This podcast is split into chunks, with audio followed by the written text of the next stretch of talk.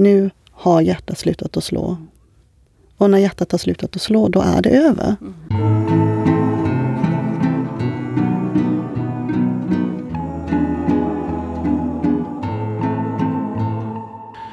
Dagens avsnitt produceras tillsammans med Mälardalens smådjurskrematorium. Vi på kliniken använder oss av detta krematoriums eh, tjänster. Det är ett aktivt val för oss av flera anledningar. Främst tycker jag för den respekt deras personal visar de avlivade husdjur de ska hantera, även fast djurägarna inte är med just då. Att en omsorg också om miljön genomsyrar deras verksamhet är viktigt. De arbetar kontinuerligt med att utveckla verksamheten genom aktiva klimatsmarta val. Bland annat så använder de sig faktiskt av 100% förnyelsebara drivmedel vid alla kremeringar. Sen är det också så att Mälardalens småurskrematorium har en sån här fin minneslund. Och dit kan våra djurägare komma och askan vid allmän kremering sprids där. Det här är väldigt mycket uppskattat av både oss och våra djurägare. Så tack Martina och Daniel på Mälardalens smådjurskrematorium för att ni hjälper oss att producera detta avsnitt.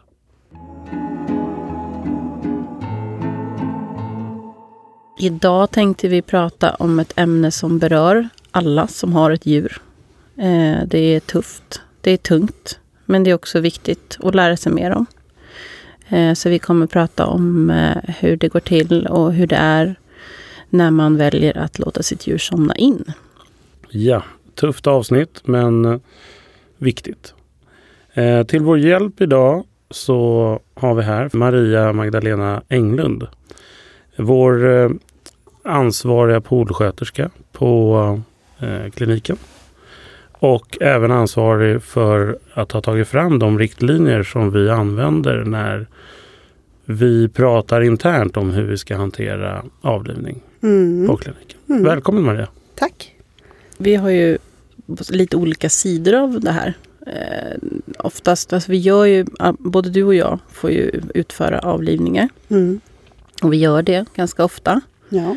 Eh, men hur, eh, vad tycker du är viktigast att sådär, ta upp just idag? Har du några sådana äh, saker som du känner är viktigt att det kommer fram eller kommer ut? Eller? Ja men det är väl liksom just det här med att äh, man som djurägare vi vill att vi ska se dem som att det här är ju deras familjemedlem. Deras vän. Deras skugga som har funnits där i många år. Och att vi respekterar det och äh, vi vill dem så väl att de ändå ska känna att de inte står själva i det här utan vi finns för dem hela tiden i det här beslutet. För att vägleda och för att vara klara och tydliga i när det är dags. När det är dags att ta farväl. Mm. Det är väl också så att eh, till skillnad då eh, från mycket annat så när det gäller djur så har man ju ett ansvar att faktiskt ta det här beslutet någon gång. Mm. Eh, och det händer ju tyvärr att vi är tvungna att liksom rådge och verkligen trycka på att nu är det dags. Annars så blir det här ja, vanvård. Mm. Ja, för det är det det handlar om. Att vi, man som djurägare får ju inte låta djur lida. Och tyvärr så kan det ju vara så att, att man eh, tänker att eh, man skulle vilja att djuret faktiskt dör av sig själv hemma i hemmet. Och det är ju faktiskt mot lagen, för då har ju djuret lidit så pass mycket att eh, det är inte okej. Okay, liksom. Men så att det är som, det, som, du säger Max, det finns ett ansvar att faktiskt ta det här beslutet åt djuret. Eh, att nu är det dags.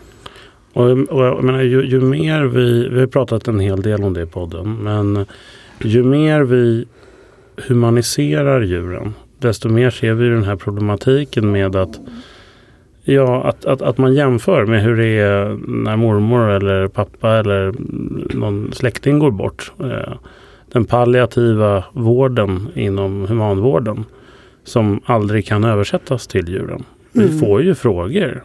Eh, har ni inte palliativ vård för mm. hunden? Kan, inte jag, kan vi inte koppla upp den på dropp och låta den dö precis som någon som har cancer? Mm. Och så kan vi inte göra utan Nej. det är en väldigt tuff del, den svåraste stunden i ens liv med sitt husdjur. Men det är, det är också ett ansvar att ta det beslutet och det är vårt, vår ansvar, vår plikt och vår förhoppning att vi ska kunna vara med och vara ett stöd i det. Jag tycker också det kommer många frågor till oss eh, djurägare som frågar att, men hur ska jag veta när det är dags? Eh, och där kommer vi också in som ett stöd där vi faktiskt säger att, att de ska lita på oss när den dagen kommer. Då kommer vi vara klara och tydliga i den vägledningen. Ja, precis. Och därför är det väl också ganska bra, som jag pratat tidigare också om, att man, att man väldigt tidigt hittar, eller någon gång åtminstone under eh, djurets liv, hittar en veterinär och en klinik som man har förtroende för. Mm. Så att man tar det rådet på rätt sätt för att det är någon som faktiskt känner till historiken bakom eh, just det här djuret. Och, och, och, och kan vara med och, och rådge på ett bra sätt. Mm. Ja men det är ett otroligt känsligt ämne. Och precis som du sa Mia då som är veterinär att vi ser det från olika sätt men just i den här frågan när man som matte eller husse eh, eller hundvakt eller liksom någon som har en relation till det här djuret kommer in och ska boka den här tiden, då jobbar vi ju tillsammans som en hel klinik. Allt från när man ringer in ett samtal till alla man egentligen möter på vägen. Ja, vi försöker göra det så respektfullt som det bara går att göra. Ja, verkligen. Om, om det är väldigt svårt. Så, Mm. så är det ju så att, för det har ju du också sagt att, för du nämnde någonting om att den dagen som man inte längre känner någonting, när man eh, avlivar ett djur, då ska man sluta. Mm. Eh, och jag tänker mycket att liksom det, det påverkar ju oss också. Det är inte så att vi gör det här som maskiner och tycker att, att ja, ja, det är bara en hund eller det är bara en Ja, katt. ja nej, utan- nej, det är ett jättetungt eh, arbete även för oss som jobbar med det här, som, som gör det här dagligen.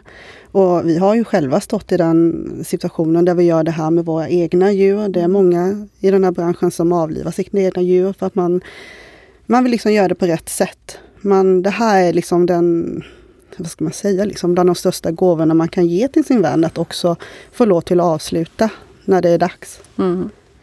Ja, och, det, och det kan man väl säga efterhand.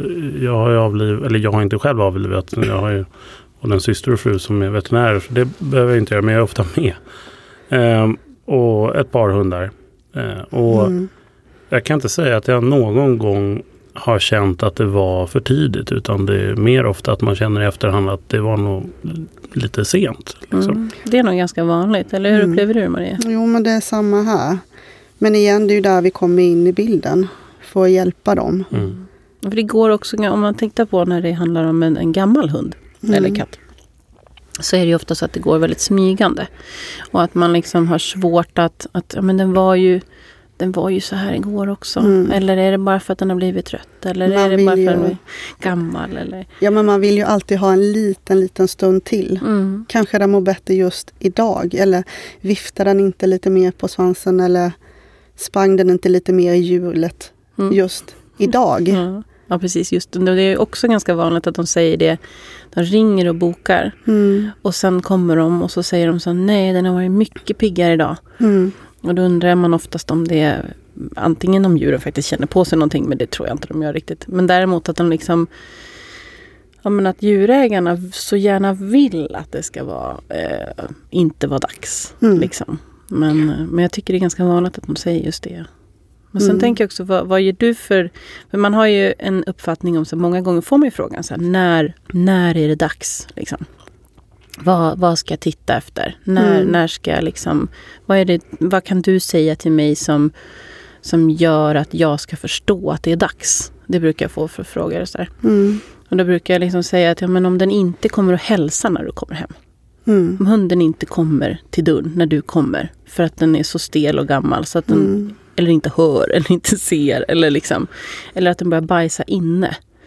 Det brukar också Ja, vara eller börja gå tecken. undan, att man känner att man liksom inte riktigt orkar med. Egentligen på liklinje som det är med oss människor. Mm. Om vi börjar bli dåliga, om vi börjar få ont, då kan man känna liksom, jag orkar liksom inte riktigt med att träffa folk idag. Nej. Jag orkar inte att komma fram, jag orkar inte lika mycket. Eh, snälla låt mig inte behöva göra just det här eller det här. Mm. Så är det egentligen på lik linje med våra djur, att de, det är inte så stor skillnad på oss där egentligen. Och när man då har fått hjälp från någon man har förtroende för Mm.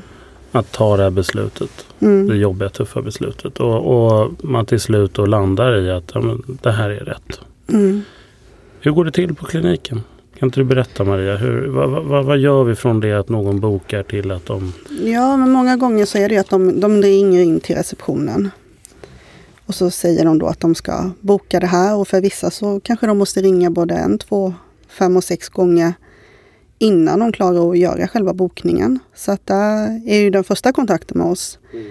Um, och då brukar vi förklara för dem att uh, så här kommer det gå till och betalning, alla legitimation ska man visa, man ska skriva under på ett dokument där man faktiskt godkänner att vi utför den här typ av handlingen eller behandlingen som det också kan vara då att hjälpa ett djur på det här sättet. Uh, så man förklarar liksom att allting det här kommer hända innan man går in på rummet. För att sen när allting är över, då ska man kunna få gå därifrån i lugn och ro. Att de vet att vi prioriterar dem. De ska inte behöva sitta och vänta på att få komma in på ett rum, utan de ska få komma in och få liksom utföra det de är där för så snabbt som, ja, i lugn och ro. Då. Mm. Mm. Ja, så att betalning eh, och så vidare som är en tråkig del, den väntar man inte med till sist utan Nej. det är därför vi har fasta priser för de här sakerna. För mm. att man ska kunna ta det innan så att allt är klart. Mm. Uh, vi har väl också speciella rum som vi använder för detta. Mm. Och uh, ofta lite stämningsbelysning. Uh, vi drar väl ner lite rullgardiner och så vidare också för att skärma ja, av. Va? Ja, på, på, på bästa sätt i den miljön där vi befinner oss och kunna göra det så avskilt som möjligt. Och vi brukar ha en bädd på golvet där de större hundarna kan ligga eller de små ifall man önskar det och en filt på bordet. Um, vi har stearinljus för de som önskar att vi ska tända det. Det är inte alla som vill det. Och där följer vi djurägarnas vilja eller de som är med. Ibland så är det ju bara... Måste man vara med? Vi brukar väl rekommendera generellt att man är med till det att djuret har fått den första lugnande sprutan. Eftersom att i den här situationen så är det ju de som är de nära och kära som är det här djurets trygghet. Eh, istället för att bli överlämnade i händerna på någon som de kanske inte känner så väl. Och sen så många gånger säger folk att de tänker att de liksom vill gå efter den första sprutan. Men i de allra flesta tillfällen så tycker jag att eh, man stannar till allting är klart. För man brukar också bli rätt så förvånad över hur lugnt och stilla det här faktiskt sker. Är det många som eh, väljer att avliva i hemmet? Ta hem en veterinär? Det beror väl lite på om det finns tillgång till att ha en veterinär som åker hem. Mm. Eh, dels är det så att som jag förstår det så får ju inte den veterinären ta med sig det, det döda djuret därifrån. Nej, det blir transport det, av... Det krävs ja. Mm. special... Mm. Och då måste man ha något extra tillstånd mm. som jag fattar det. Så då får ju djurägaren själv åka med djuret till ett krematorium. Och det kan ju folk tycka är ganska jobbigt. Att bara ha ett dött djur liggande hemma liksom. Men sen är det tyvärr inte så många veterinärer som åker hem och avlivar. Akut så finns det ju distriktare och sådär som kan åka ut ibland. Men, men det, det, är ju inte någon tjänst som är så spridd. Men det finns väl ett par i Stockholm tror jag som gör det. Mm, eh, mm vi är inte en av dem. Nej. Nej, och jag vet inte hur ofta de liksom eh, heller, för det verkar som att det där skiftar lite. Eh, det finns någon ibland och så mm. finns det ingen. Och så. Jag kan tänka mig att det finns i Stockholm kanske en, någonstans mellan fem, tio stycken veterinärer som kan erbjuda det här mm. eh, till och från. Mm. Ja men mm. precis, det verkar, verkar vara till och från. För mm. det verkar vara väldigt så här, det går upp och ner liksom. Varför vet jag inte. Sen pratar vi om det här då, den första lugnande sprutan. Vad, vad händer sen då Maria? Ja, men det första steget som händer är att man kommer in på rummet och då får man en spruta eh, där det är en kombination av smärtstillande och lugnande. Mm. Uh, och det ser egentligen ut som en helt vanlig vaccination, bara man sätter det lite högre upp på nacken. Det är inget som svider. Det är ingenting som gör ont på något sätt. Utan i sådana fall handlar det bara om liksom att, att djuret i den situationen inte vill att vi ska ta i det. Um, men Eller blir stucket. Ja, det blir stucket. Mm. Ja. Mm. Då får man då lugnande och smärtstillande. Ja. Det verkar ju bra. Mm. Och somnar djuret då på det här helt eller? Ja men det tar ungefär vad ska man säga, 10-15 minuter och sen så är djuret antingen helt eller delvis sovande. Och ibland så vill eh, matte och husse eller de som är med att man ska vara kvar, att man står och pratar och att man liksom får en fin stund tillsammans. Ibland vill de att man går ut. Eh, och där får man ju känna av vad det är som passar just den här situationen. Men många gånger så går vi ut och sen kommer vi tillbaka och då har vi liksom redan förklarat på förhand att det är de här två stegen det kommer hända i. Och när vi då kommer in igen så kommer vi till att raka lite på ett framben. Och vi kommer till att se ifall vi hittar en blodådra där. Och i nästa steg då så kan man säga att det är tre stycken sprutor. En som är klar vätska i, en som är vit vätska i och sen så är det den sista och det är rosa vätska i den. Eller blå. Eller blå. Mm. Men det brukar vara någon slags färg på den mm, sprutan. Ja. Um, och då sätter vi en nål i det här benet. Och så tittar vi med den klara vätskan att den här nålen den ligger i och det är bara vanligt koksalt. Och så kommer den här vita vätskan som är samma typ av vätska man använder på människor när man söver. Uh, det heter Propofol. Det är en jätteskön narkosinjektion. Och då brukar man som oftast ge liksom en liten, liten dutt utav det där. Och då brukar de allra flesta djuren ta en väldigt djup suck för att det här är otroligt skönt att få i kroppen.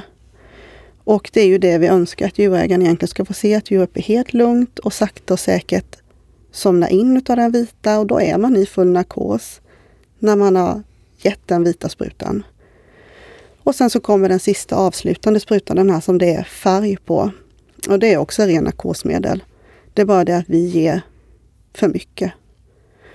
Och då är, är man liksom klar och tydlig med att de allra flesta djuren har andningen upphört på alla redan innan den sista sprutan är slut. Så man är förberedd på att det här går fort. Och ofta så är det ju liksom det vi önskar uppnå, det är att det ska se ut som att det här den här vännen den blir liksom bara tröttare och tröttare och sakta och stilla så somnar man helt enkelt bara in.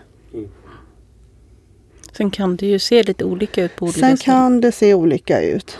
Det kan vara så att liksom när man har gett det här att, att det kan vara andetag, precis som det är på människor. Mm. Att det kan komma, även om hjärtat har slutat att slå, att det kan komma enstaka andetag mm. som är lite djupa. Och då är det vi ju där och liksom förklara och liksom att man är, men att man är väldigt tydlig med att nu är det över. Mm. Nu är det slut. Och om man inte lyckas sätta en sån kanyl då? Man hittar ingen blodådra? Vad gör vi då? Nej, det kan ju vara så att djuret är gammalt, att det är sjukt att, eller, eller andra omständigheter som gör att det är svårt att få in den här nålen. Då finns ju alltid möjligheten att kunna ge ett litet stick i buken. Ett ställe där man nästan inte känner någonting. Och sen så ger man endast då den sista sprutan som det är färg på eh, in där. Men då tar det lite längre tid. Men det är också någonting man förklarar. Ja, och sen, men det finns ju som sagt, dels så finns det ju lite olika sätt att göra det på och mm. lite vilka olika mediciner man ger. För det är mm. lite grann, det här är ju det viktigaste vi gör. Mm. Alltså det är det viktigaste absolut inte får gå fel. Eh, och då kan jag ju säga att man liksom, om man har gjort, om man ser till kanske äldre veterinärer eller sådana som står ute i fält eller någonting sånt där. Mm då man är själv och man liksom inte har den här fina, mjuka, härliga liksom situationen. Utan man måste liksom ta det man har. Mm. Eh, men man försöker alltid liksom göra det så bra som möjligt. Så då kan det se lite annorlunda ut. Liksom. Mm. Eh, men det viktiga är att de alltid är under narkos. Innan man sprutar nästa spruta, liksom den här färgade. Ja. Eh, så att, för det är ju faktiskt eh, ett lagkrav idag att de ska ha, vara i full narkos innan vi sprutar in överdosen så att säga. Mm. Eh, om vi sprutar den i buken eller hjärtat eller mm. någonting sånt. Men sen är det ju det också att, att eh, jag tänker på att, att, när man kommer till den här situationen att man, att man eh, jag möts ofta tycker jag av att människor inte kan så mycket om döden. Nej, det är också ett... att, att liksom man har läst på om allting, om vad man ska ge för mat och vad man ska, hur ofta mm. man ska mm. klippa klor och hur ofta man ska tvätta öronen och hur många gånger man ska schamponera hunden. Jag tror alla vet mycket, mycket mer om hur ofta man ska schamponera en hund eller hur, än hur det går till när den dör. Liksom. Mm. Och då menar jag inte rent sprutmässigt utan då tänker jag liksom vad händer i kroppen mm. när en, en kropp dör? Liksom. För att liksom någonstans så tror jag att vi i vårt samhälle idag har kommit så långt ifrån döden. Så att vi inte riktigt vet hur den ser ut. Nej, jag upplever många gånger att det är någonting som djurägarna tänkt på i väldigt lång tid. Mm. Eh, många gånger kan det vara någonting man varit orolig i i flera år innan det ska hända. Men just som du säger, liksom det här i möte faktiskt med döden där och då. Mm. Så är vi inte det, det, är någonting som vi möter så pass sällan och som vi är så pass rädda för, för att det är så oåterkalleligt. Ja, för att det är väldigt ovanligt numera om man ser till bara tillbaka 50 år eller någonting sånt där så, så var vi, mötte vi döden oftare Mm. som människor. Liksom. Att vi mötte, dels så, så tog vi kanske död på de djuren vi skulle äta själva. Mm. Vi, mm, våra äldre generationer dog. Eller vi hade barn som dog. Eller vi hade, alltså det var ju mer olyckor. Mm. Eh, det var ju mer sjukdomar. Alltså det, var, det var en helt annan situation än vi har idag. Och, och att just det här att djuren, att man inte vet. För det är som du säger, de kan dra ett djupt andetag. Och det har ju Mm. att göra med att, liksom, att när hjärtat stannar så känner ju aorta av att det blir för lite syre i kroppen. Eh, och då försöker, det är en reflex. Eh, så då försöker man att ta ett så här Ja. andetag. För det är ju hjärnan är borta. Det är Mm. inte hjärnan som styr andetaget. Nej. Det är inte för att man är medveten utan det är just för att kroppen säger kroppens funktioner, reflexerna, precis som man tar bort handen från en platta om man bränner sig. Så finns kroppens funktioner kvar lite längre än man faktiskt lever. Mm. Vilket är jättekonstigt. Men så Ja. är det ju. Och, och, och då drar lungorna, det är en reflex, drar lungorna ut så att det ska komma in med luft. Mm. Och då ser det ut som ett andetag. Mm. Eh, och och sådana saker är ju liksom, ser ju jätteläskigt ut. Om man inte vet varför. Ja. Eh, och, och liksom, om man aldrig har sett det, om man aldrig har varit med när något annat har dött. Så, så, så kan det ju där, de alla tror ju liksom att de, de ligger och och de kanske lever, for, alltså jag vet folk som har tänkt så här att ja, men, nej, men den, den kanske lever fortfarande fast vi har Mm. burit iväg den eller någonting sånt där. Mm. Men då, då har vi ju, vi har ju väldigt noggranna rutiner på att alltid kolla innan vi liksom flyttar djuret i Mm. princip. Att den har slutat andas. Att den inte har någon hjärtverksamhet. Vi lyssnar på hjärtat. Mm. Vi tittar på slemhinnorna i munnen. Och eh, man kan peta den lite i ögat för att se att den inte blinkar. Mm. Och man kan även titta på rumpan och se att den är slapp. Liksom. Mm. Så att man har, och det, är liksom, gör ju, och det gör ju alltid en veterinär. Även om det är en sköterska som, som avlivar djuret. Mm. Så är det alltid en veterinär som kollar att Mm. djuret har avlidit. Mm. Så att man kan känna sig säker i den saken. Liksom, Jo som men precis, att man som djurägare kan känna sig säker i dem, som känner sig trygg på det. Mm. Det är ju superviktigt för att det är ju liksom för oss som är i möte med döden dagligen och ser detta här så är det ju väldigt tydligt för oss när man ser att livet släcks. Ehm, Men det kan man inte som djurägare som kanske inte möter det här då mer än var femtonde år eller ja, relativt sällan. Liksom. Det är svårt att se just det där. Ehm, Och där är det också viktigt att vi igen kommer in med tydlighet. Mm. Hur vi använder våra ord, att den, inte att den somnar och somnar djupare utan att nu har hjärtat slutat att slå. Mm. Och när hjärtat har slutat att slå, då är det över. Mm.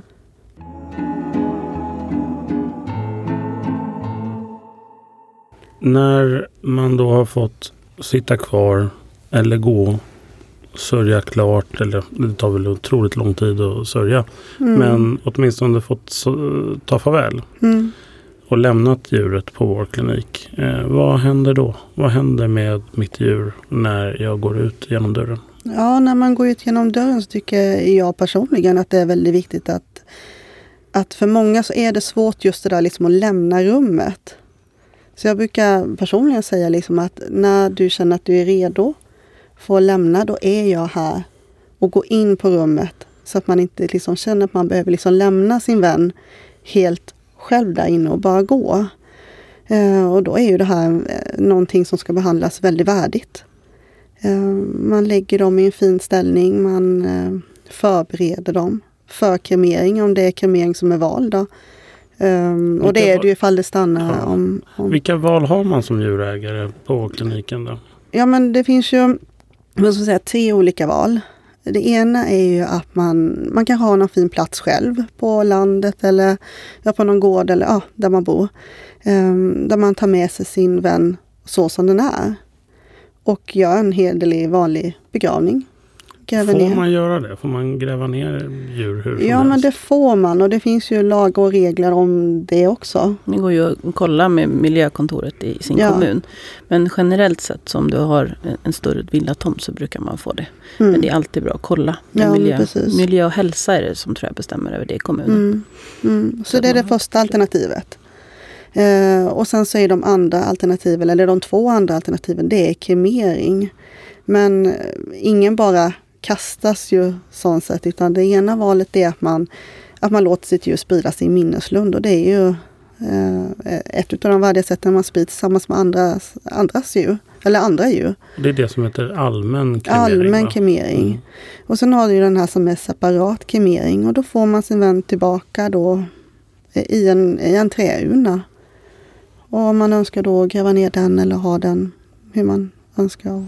Och skillnaden är väl också att eh, mellan allmän och separat kremering. I allmän kremering så, så i själva processen där, där djuren så att säga... Där vi förbereder dem. Nej, utan i processen hos krematoriet Mm, så, så ligger djuren tillsammans och eh, i krematoriet på allmän Mm. kremering. mm, Medan på separat kremering så, så är det ett djur i taget. I och med att man då ska ha askan från bara just ditt Mm. djur tillbaks Mm. då.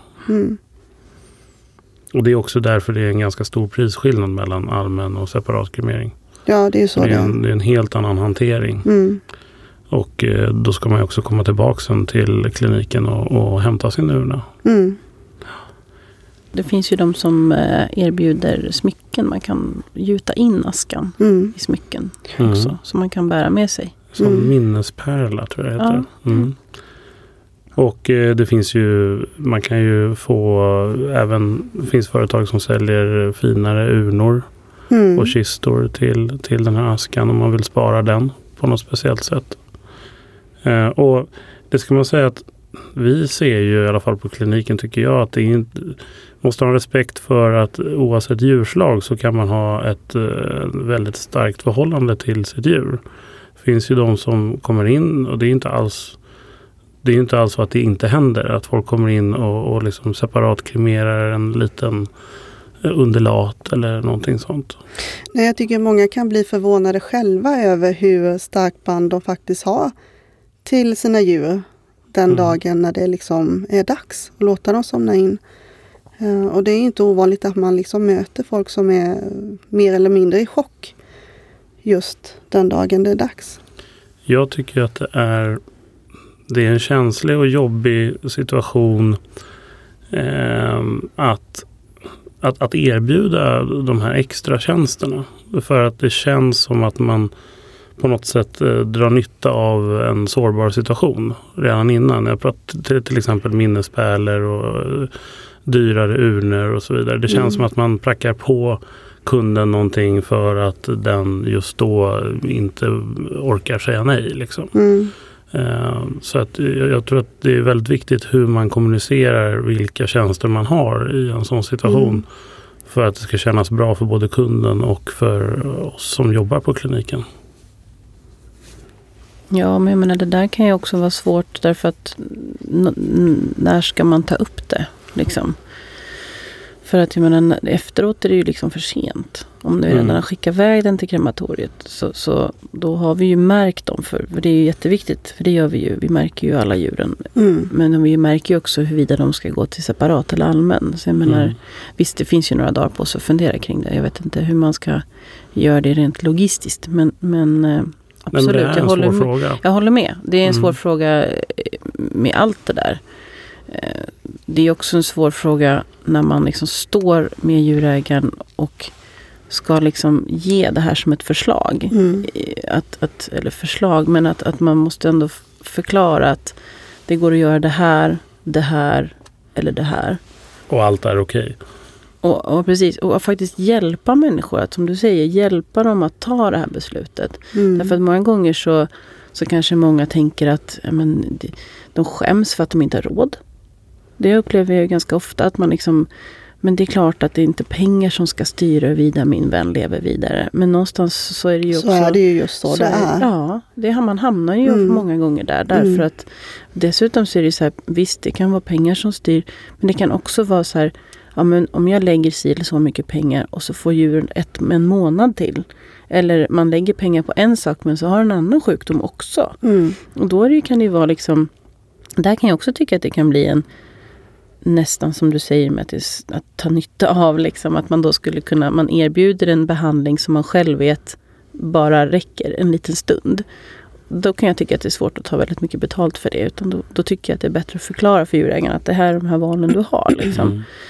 Men det är ju också, det tycker jag både du och, och Mia och, och min fru har sagt det där flera gånger till mig.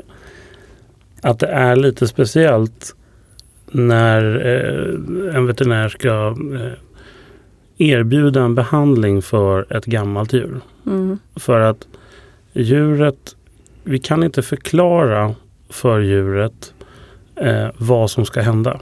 Utan om vi sätter in en behandling och gör en operation eller någonting sånt. Säg att vi gör en operation på, säg att man gör en operation på en människa. Mm. En människa som har cancer och ska gå igenom en cancerbehandling. Så vet vi ju att vi kan prata med den här människan, förklara alla stegen. Du kommer göra den här behandlingen. Du kommer må skit, eh, rent ut sagt, och vara jättesjuk. Och bli sjukare än vad du är nu, kommer ha jättemycket smärta. Har du tur så om tre, fyra månader så är cancern borta och Mm. så, så kommer du kunna leva ett eh, tio år till. Mm. Eh, vi kan inte förklara för ett djur att det är det som kommer ske. Utan det enda djuret känner det är en smärta och panik när den vaknar från en operation. Mm. Eh, och en rehabilitering. Och de fattar inte att djuret förstår inte att den här rehabiliteringen kan vara över på två månader. Och då måste man ställa den smärtan man åsamkar det djuret med den här behandlingen i relation till hur lång tid man har köpt djuret efteråt. Är det värt det? Eller Mm. är det inte värt det? Och den bedömningen måste man som djurägare få hjälp med av en veterinär att göra. Eh, och man måste tänka på att man måste göra den bedömningen.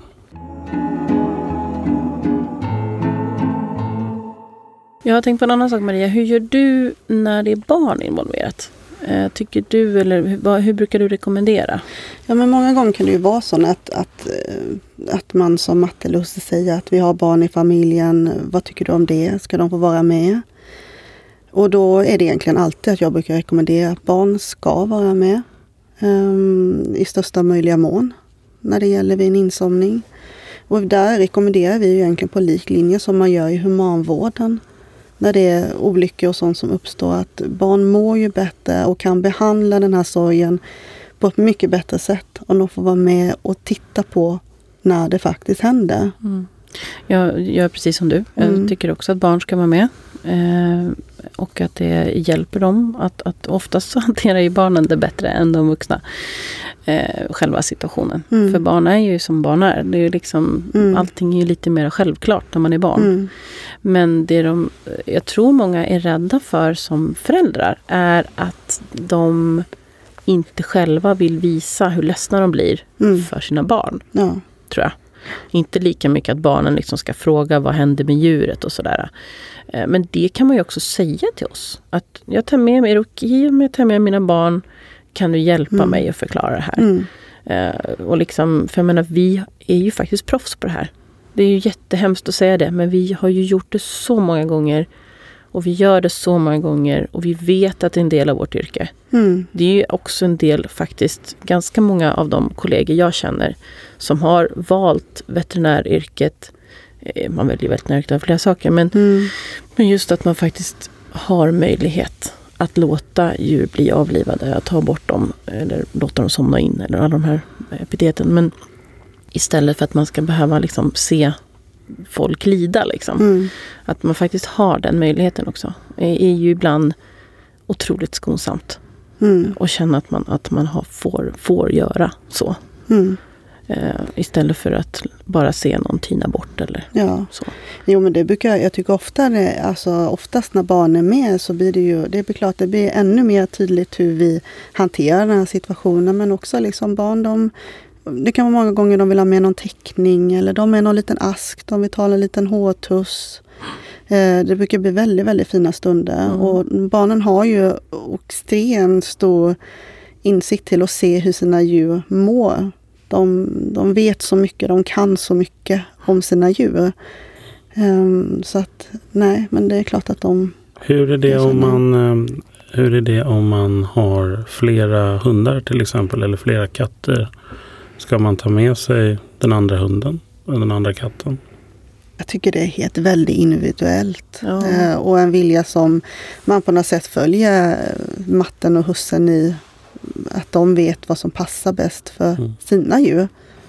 Jag eh, tycker ju själv, alltså ett råd som jag gärna ger eh, gällande hund som jag har märkt har fungerat för mina vänner och för mig ganska väl. Det är att när, om man har möjlighet när hunden börjar bli lite äldre.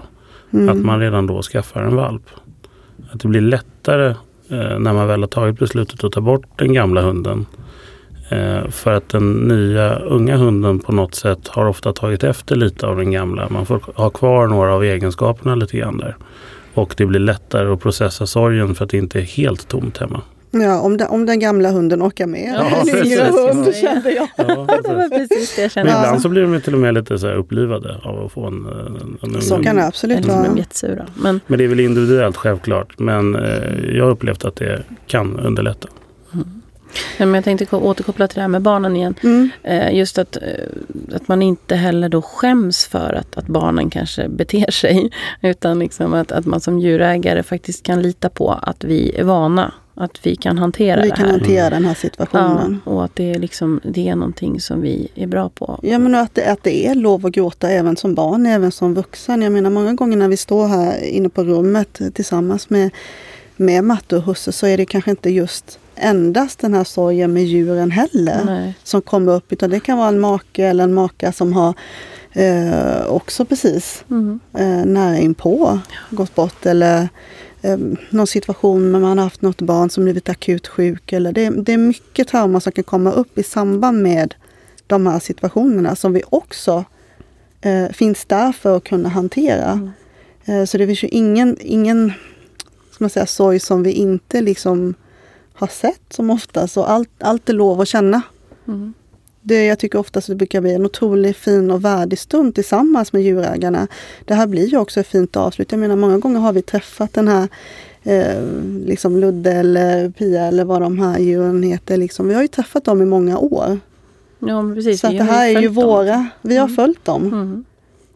Från första från första stund. och, i, precis. ja. När de var små och så. Mm. Man liksom, ja, nej, så det, och det är ju klart att, liksom att man ser, det, blir ju, det är ju på något sätt väldigt, väldigt fint. För man ser, om man tänker då på liksom den här, det gamla djuret. Eh, nu pratar vi mycket hund och katt. Men om man, om man pratar då till exempel en, en katt eller en hund som man har haft då i Katten kanske är 20 år, hunden Mm. kanske är 15-16 år kanske man fått lov till att ha.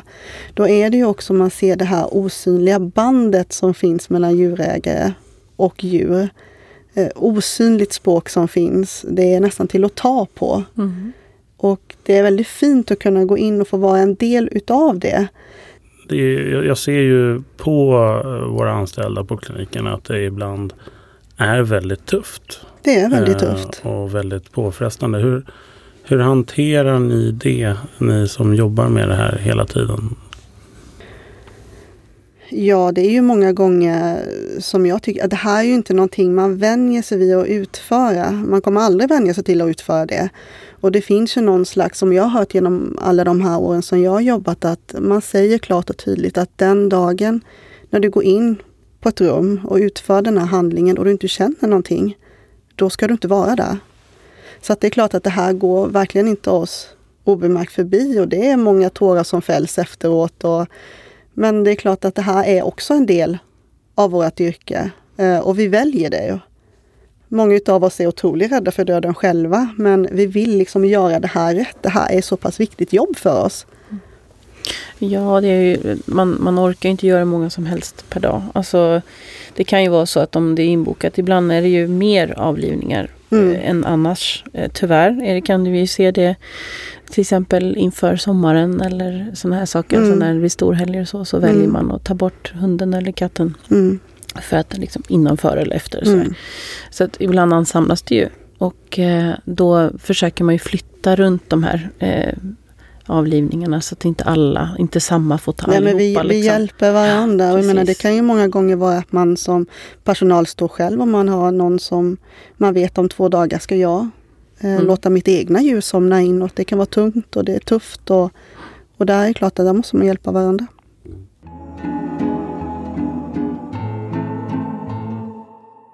Ja, det är ett eh, tufft jobb.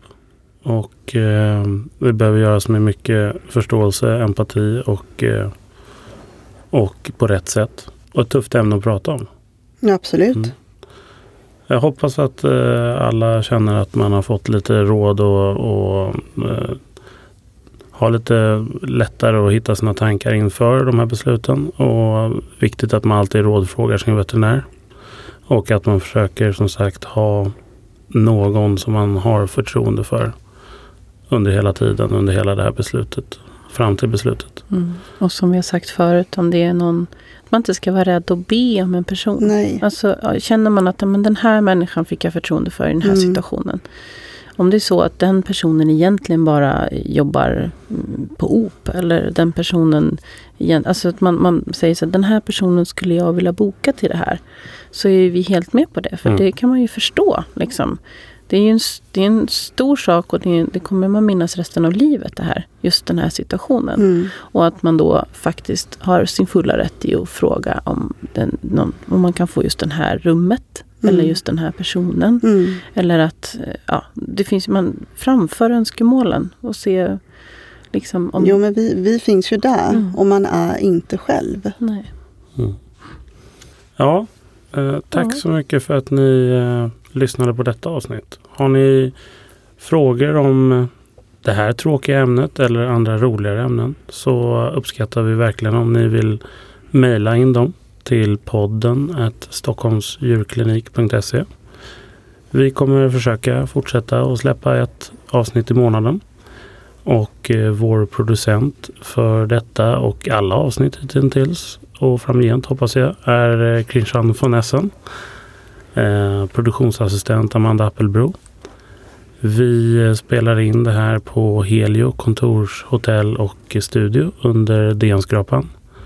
Och det är Petter Windberg som har skrivit jingeln. Ja, tack så mycket för idag. Eh, jag hoppas att eh, det inte var allt för tungt. Och att eh, Maria gärna kommer tillbaka och pratar om andra roligare eller gladare, Gladare ämnen. gladare, Gladare ämnen. Mm. Men det, det är viktigt det här med. Mm. Tack för att du kom Maria. Ja, men Mm. tack.